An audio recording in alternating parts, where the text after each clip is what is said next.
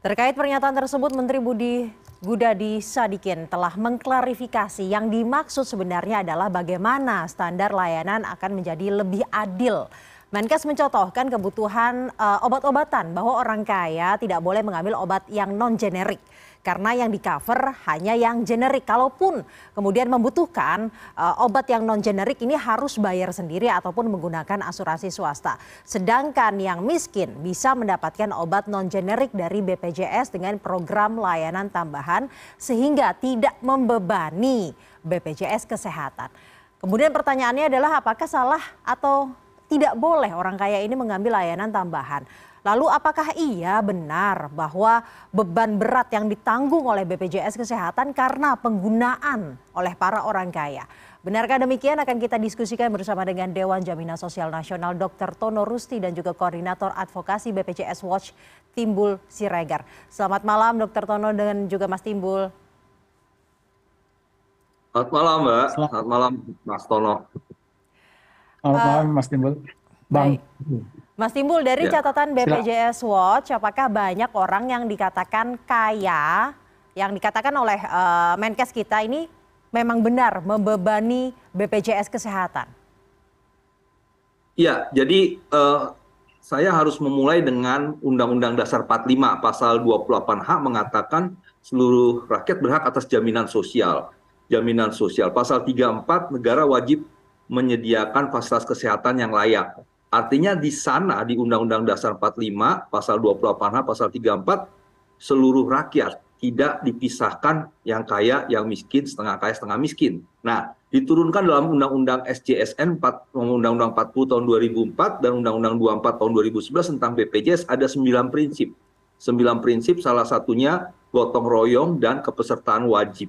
Nah, dari seluruh regulasi tersebut memang tentunya tidak ada pemisahan bahwa rakyat miskin boleh JK, ikut JKN, rakyat kaya ikut saja tidak boleh memanfaatkan. Tidak. Mengacu pada pasal 16 Undang-Undang SJSN disebut peserta adalah orang yang mendaftar dan membayar iuran dan peserta berhak atas manfaat. Jadi ketika orang kaya yang diwajibkan sejak 1 Januari 2019 di Perpres 82 tahun 2018 itu menjadi peserta yaitu mendaftar membayar iuran, dia berhak atas manfaat.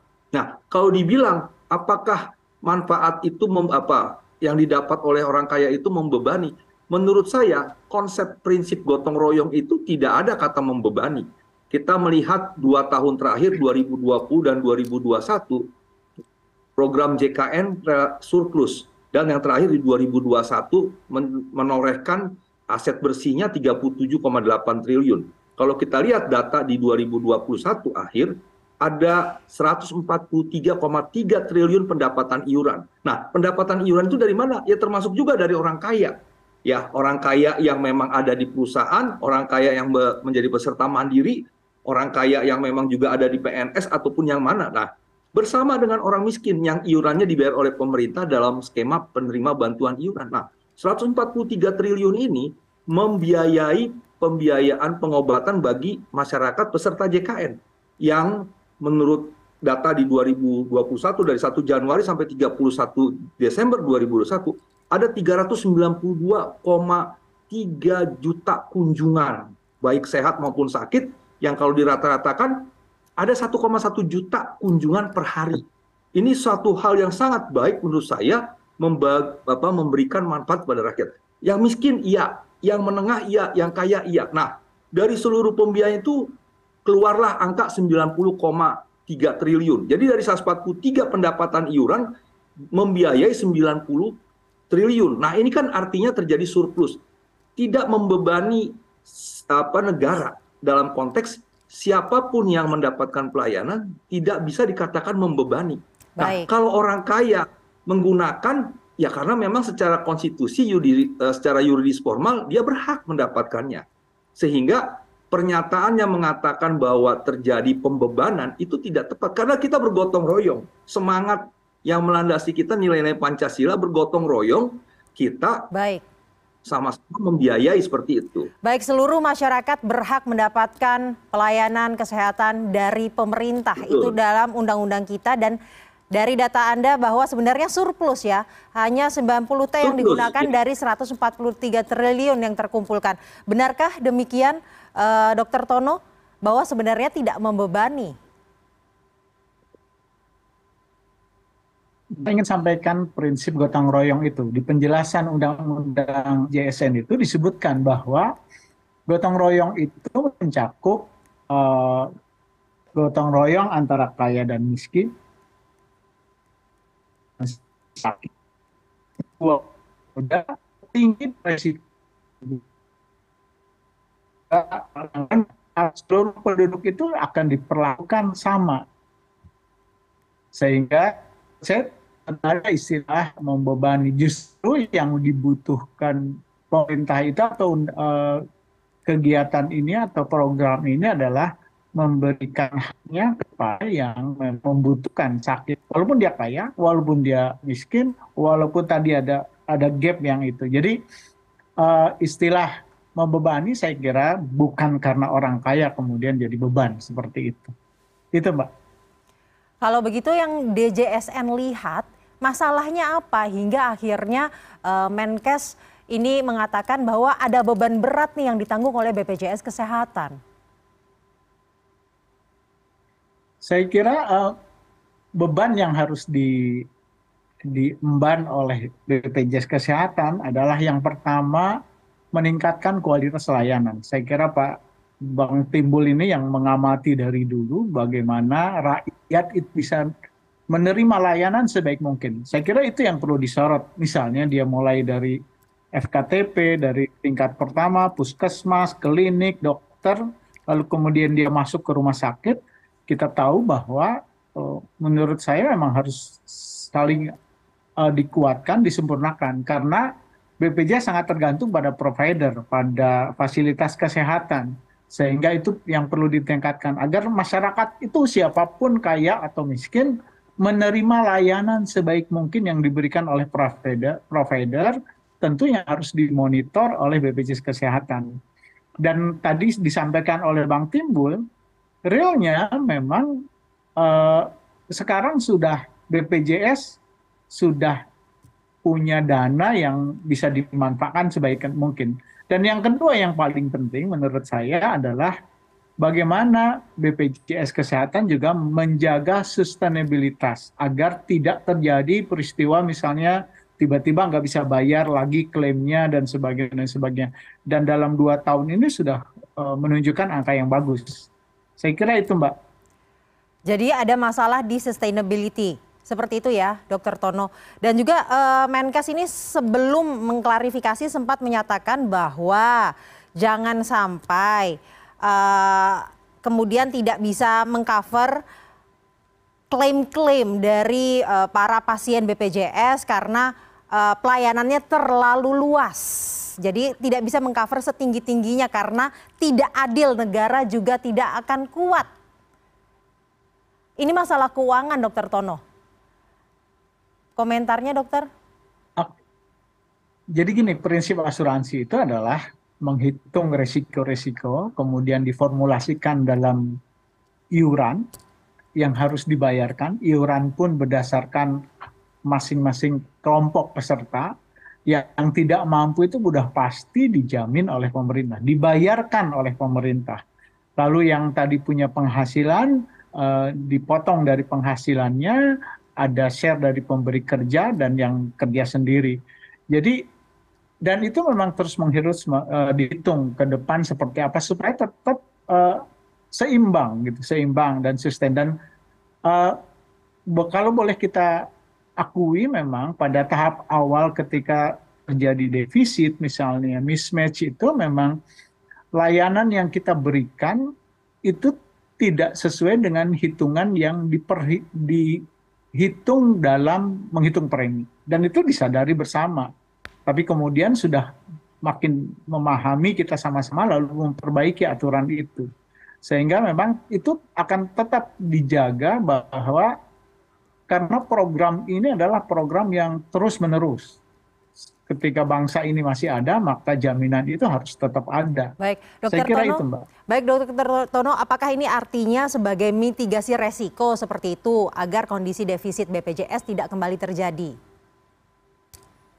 Betul. Jadi dan itu semua yang kita yang terjadi misalnya sebelum 2018 itu memang dihitung kenapa ini terjadi. Dulu memang ada masalah begini, misalnya uh, eh, PBPU yang ya PBB itu peserta bukan penerima upah. Dia hanya mendaftar ketika besok uh, atau ketika sakit. Lalu kemudian sesudah beres, sesudah dia keluar dari rumah sakit, kemudian tidak bayar lagi. Dan itulah yang sebenarnya membebani karena siapa pun peserta harus terus menerus membayar iurannya, baik kaya maupun miskin. Jadi kejadian awal itu tiba-tiba orang sakit kemudian dirawat lalu kemudian uh, membuat kartu BPJS sesudah itu dia tidak bayar lagi itu yang sebenarnya membebani karena sebenarnya iuran itu terus menerus Baik. dan layanannya pun harus terima secara terus menerus nanti. Baik dokter, Mas Timbul apakah uh, itu art, uh, yang dimaksud beban yang menurut BPJS Watch apakah artinya beban itu adalah peserta yang uh, hanya membayar jika membutuhkan, kemudian nggak bayar lagi kalau sudah tidak butuh? Ya, jadi memang karena prinsip kepesertaan wajib gotong royong, kalau mengacu pada teori hukum bilangan besar ya, semakin banyak peserta, semakin banyak pendapatan iuran dan akan lebih mudah membiayai pelayanan kesehatan. Nah, sekarang ini per Oktober 2022 ada sekitar 238 juta rakyat Indonesia yang sudah mendaftar dan membayar iuran walaupun ada juga yang menunggak. Nah, ada 12 persen dari seluruh rakyat Indonesia yang sama sekali belum pernah mendaftar. Dan ini ya kalau yang saya lihat, ini bagian dari orang kaya yang memang nggak mau daftar. Karena orang kaya selama ini menggunakan fasilitas kesehatan asuransi swasta. Dia nggak mau, walaupun disebut wajib, tapi dia nggak mau. Nah, seharusnya Pak Menkes lah yang harus mengajak, hei orang kaya, yuk gotong royong di JKN. Yuk orang kaya datang daftar dan bayar iuran di JKN. Jadi Kalau bukan, Anda nanti menggunakan Jadi bukan ya, justru Ya bukan malah mendiskreditkan, ya. malah ajak gitu. Karena selama ini banyak memang orang-orang kaya yang mungkin aduh nggak nyaman dengan BPJS. Nah, dia pakai asuransi kesehatan swasta. Nah, tetapi kan prinsip gotong royong dan kepesertaan wajib itu harus. Malah harusnya pemerintah sekarang ini sudah melakukan apa menggunakan penggunaan sanksi tidak dapat layanan publik bagi masyarakat yang tidak ikut JKN. Itu ada di PP 86 tahun 2013. Nah, saya berharap Menkes mengajak, kalau juga nggak mau, Menkes harus bilang, kita kasih sanksi kepada masyarakat kaya yang tidak mau ikut join ke BPJS Kesehatan, program JKN. Karena apa? Mereka sebagai warga negara Indonesia harus bergotong royong. Jadi tidak mendiskreditkan, ajak mereka bergotong royong secara persuasif dan sebagainya. Nah, tentunya memang dalam uh, dua, dari 238 juta peserta yang uh, masyarakat Indonesia yang sudah mendaftar ini ada yang tidak memiliki kemampuan ya, ability to pay-nya nggak ada sehingga dia menunggak. Ada juga masyarakat kita yang willingness to pay-nya nggak ada gitu. Jadi ah males saya bayar. Nah, tapi kemampuannya ada, ability-nya ada, tapi willingness-nya nggak ada. Nah, yang seperti ini juga harus kita ajak bergotong royong. Nah, dengan adanya kemampuan yang semakin besar karena banyak peserta yang membayar iuran, maka sustainability daripada program JKN akan semakin besar. Dan ini akan menjamin bahwa mungkin saja kita tidak lagi membatasi, meningkatkan pelayanan JKN. Sekarang Menkes waktu dengar RDP dengan DPR Komisi 9 eh, itu mengatakan mendorong terjadi apa pelaksanaan screening 14 jenis penyakit yang memang ini bagian dari persoalan preventif promotif yang harus kita dorong gitu. Dan kemudian kita harus mendorong juga bagaimana pelayanan-pelayanan kesehatan lainnya yang berbasis teknologi sehingga bisa meningkatkan pelayanan. Jadi tidak lagi ada masyarakat yang jam 4 pagi sudah di rumah sakit mengantri, yang mengantri dokumennya gitu loh. Setelah itu dapat nomor, setelah itu datang lagi. Tinggal sekarang bagaimana dat, uh, mendaftar jam 10, jam setengah 10 udah sampai di sana jam 10 dilayani pulang. Dan Baik, ini merupakan bagian yang harus didorong gitu. Baik Jadi, Mas Timbul, berarti sebenarnya keuangannya ini ya Baik, sebenarnya berarti mitigasi resiko untuk mencegah kondisi defisit yang tadi uh, sempat disinggung oleh Dr. Tono adalah seharusnya 12 persen orang yang belum daftar, yang tadi dinyatakan oleh uh, Mas Timbul ini diduga adalah orang-orang kaya, diberikan sanksi, ya. harus ikut mendaftar. Oh Seperti oh, iya. itu sebenarnya yang harus ya, dilakukan. Iya, karena mereka adalah warga negara Indonesia yang wajib ikut gotong royong, pesertaan wajib. Dan mereka harus dikenakan sanksi kalau nggak mau ikut. Ada di PP 86 tahun 2013. Sebenarnya kalau kita baca impres nomor 1 tahun 2022 seperti kantor apa kepala BPN itu kan tidak memberikan uh, sertifikat ketika si pembeli tanah tidak ikut JKN. Nah, waktu itu sudah tuh menjadi isu. Sekarang di, tidak dilakukan lagi. Nah, Baik. artinya Impres 1 tahun 2022 itu pun belum dijalankan untuk memberikan sanksi kepada masyarakat-masyarakat kaya kita yang belum ikut. Nah, Baik, nah, jadi menurut Mas saya Timbul. harus dilakukan untuk supaya mereka ikut dengan JKN gitu. Salah satu alasan yang kita ketahui bersama mengapa orang-orang kaya yang tadi disebutkan oleh Mas Timbul ini enggan untuk menjadi peserta eh, BPJS Kesehatan karena masalah pelayanan salah satunya. Bagaimana DJSN eh, menjawab hal ini manfaat, benefit dan juga pelayanan uh, apakah sebenarnya bisa ditingkatkan lebih baik tidak yang seperti tadi di Mas Timbul katakan harus jam 4 di rumah sakit sedangkan ketemu dokternya mungkin baru jam 10 gitu. Oke, tentang manfaat, manfaat yang diberikan oleh JKN itu memang hampir semua kebutuhan kesehatan bagi setiap orang itu terpenuhi. Jadi mulai dari dia lahir sampai istilahnya sampai sangat tua pun sudah tercover bahkan sebenarnya tidak ada penyakit yang dibutuhkan yang tidak di cover. Nah sekarang yang dibutuhkan menurut saya adalah meningkatkan kualitas layanannya. Kualitas layanan itu bagaimana peserta bisa mendapatkan layanan sebaik mungkin. Kita masih melihat memang antrian yang panjang, kemudian uh, datang harus subuh untuk datang dokumen dan sebagainya. Nah itu yang mestinya PR besar bagi bpjs kesehatan termasuk juga kementerian kesehatan yang mengawasi rumah sakit itu sebenarnya masalahnya apa gitu kan? Karena pasti peserta itu dibayar dengan program JKN artinya jadi nggak ada kekhawatiran bahkan sebenarnya bukakan pelayanan seluas-luasnya sebaik-baiknya. Nah, BPJS memang sudah mengupayakan, misalnya ada antrian melalui mobil JKN bisa daftar dulu tapi itu memang belum terlaksana sepenuhnya bang timbul ya saya kira. Itu yang perlu ditingkatkan. Jadi kualitas layanan itu bukan semata-mata sebenarnya karena BPJS tapi sebenarnya kualitas layanan publik kita memang harus kita perbaiki sama-sama terutama untuk kesehatan. Jadi saya juga mengalami misalnya di rumah sakit swasta juga nggak ya harus kita ditingkatkan semuanya. Nah itulah yang memang menurut saya harus disorot oleh kita semua kualitas apa? Sekarang teknologi sudah sangat bagus Baik. dan itu diterima oleh siapa pun. Jadi itu harus dimanfaatkan menurut saya. Baik, Dokter Tono uh, dan juga Mas Timbul kita sama-sama sepakat bahwa seharusnya yang dikerjakan adalah meningkatkan kualitas layanan. Saya mau uh, berlanjut ke topik selanjutnya mengenai penggabungan antara BPJS Kesehatan dan juga swasta. Sebenarnya saat ini sudah ada uh, yang saya yang kami tahu adalah coordination of benefit yaitu kerjasama antara BPJS Kesehatan dengan asuransi swasta.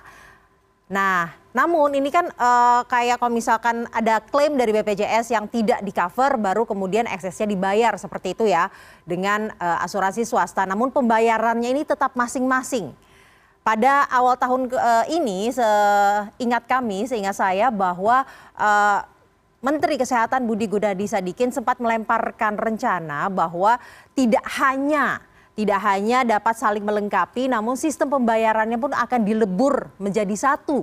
Dokter Tono, bagaimana kelanjutan rencana kebijakan tersebut?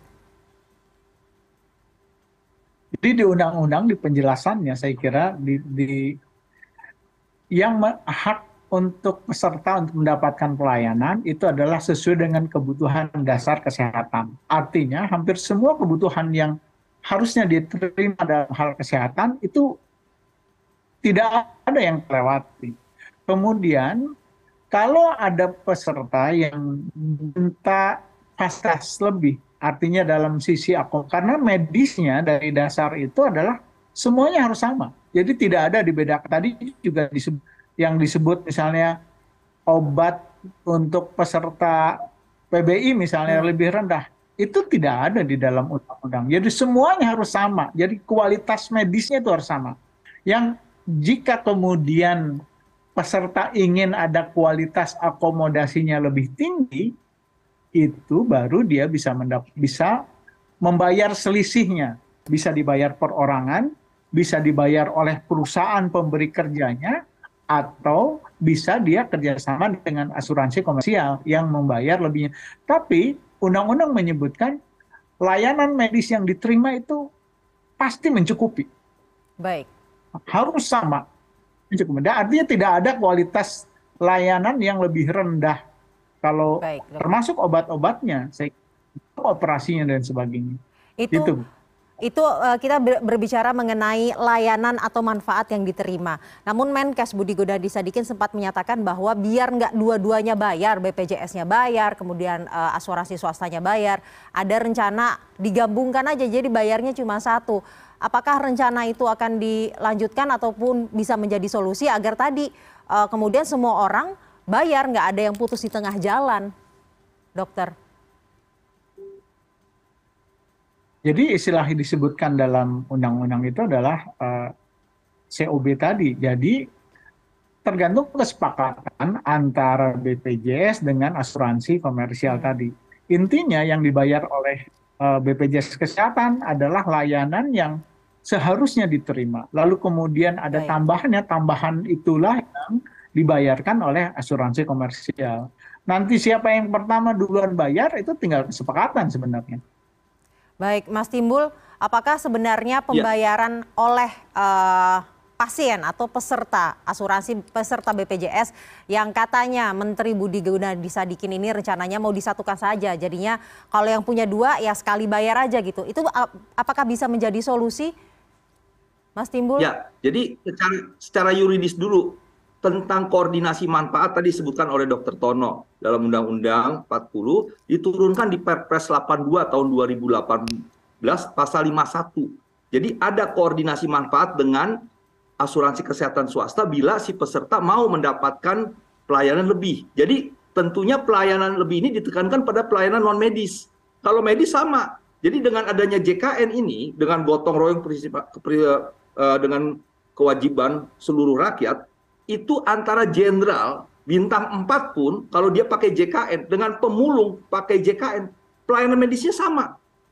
Yang berbeda non medisnya. Nah, sekarang dari Perpres 82 pasal 51 diturunkan di Permenkes 51 tahun 2018. Ada dua, urun biaya dan selisih biaya. Nah, selisih biaya ini begini, saya punya hak kelas 2. Kalau saya mau naikkan ke kelas 1, boleh satu tingkat. Nah, sebelum Permenkes 51 itu boleh dua tingkat, tiga tingkat. Nah, tapi di stop oleh Permenkes 51 hanya satu tingkat. Jadi hmm. saya berhak kelas 2. Saya mau naik ke kelas 1, boleh. Bagaimana cara bayarnya? Selisih kelas 1 ke kelas 2 itu dibayar oleh pribadi saya atau asuransi kesehatan swasta. Nah, kelas 2-nya dibayar oleh BPJS Kesehatan. Nah, jadi kalau menurut Undang-Undang SJSN Perpres 82 Permenkes 51 sudah sangat jelas koordinasi manfaat itu adalah bagi peserta yang mau naik lebih tinggi tingkatannya untuk pelayanan non medis, dia bisa dengan tadi membayar siapa? Ya asuransi atau pribadi saya. BPJS hanya membayar sesuai dengan kelasnya. Kelas 2 ya kelas 2. Jadi tidak perlu digabung sehingga Baik.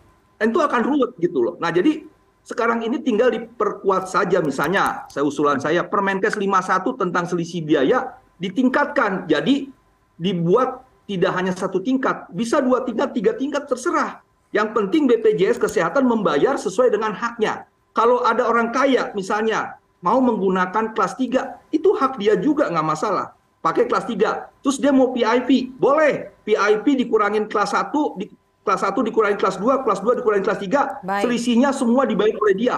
Boleh. Nah, itulah nanti yang bisa menghidupkan juga asuransi kesehatan swasta. Jadi faktanya memang hmm. BPJS Kesehatan sudah eksis, asuransi kesehatan swasta harus eksis juga. Jadi bukan saling meniadakan, tapi saling melengkapi. Nah, jadi sebenarnya menurut saya statementnya Pak Menteri ini harusnya secara produktif bagaimana merevisi beberapa regulasi yang selama ini menghambat kehadiran asuransi kesehatan swasta.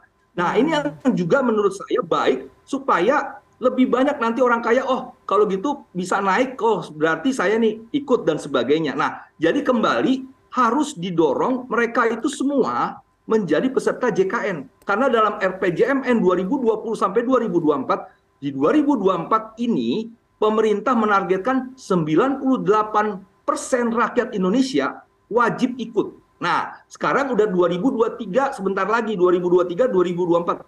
Hanya butuh dua tahun. Nah sekarang jadi bagaimana Menteri Kesehatan mendorong kepesertaan itu lebih maksimal, Baik. bukan meniadakan ataupun memformat sesuatu yang sebenarnya sudah ada.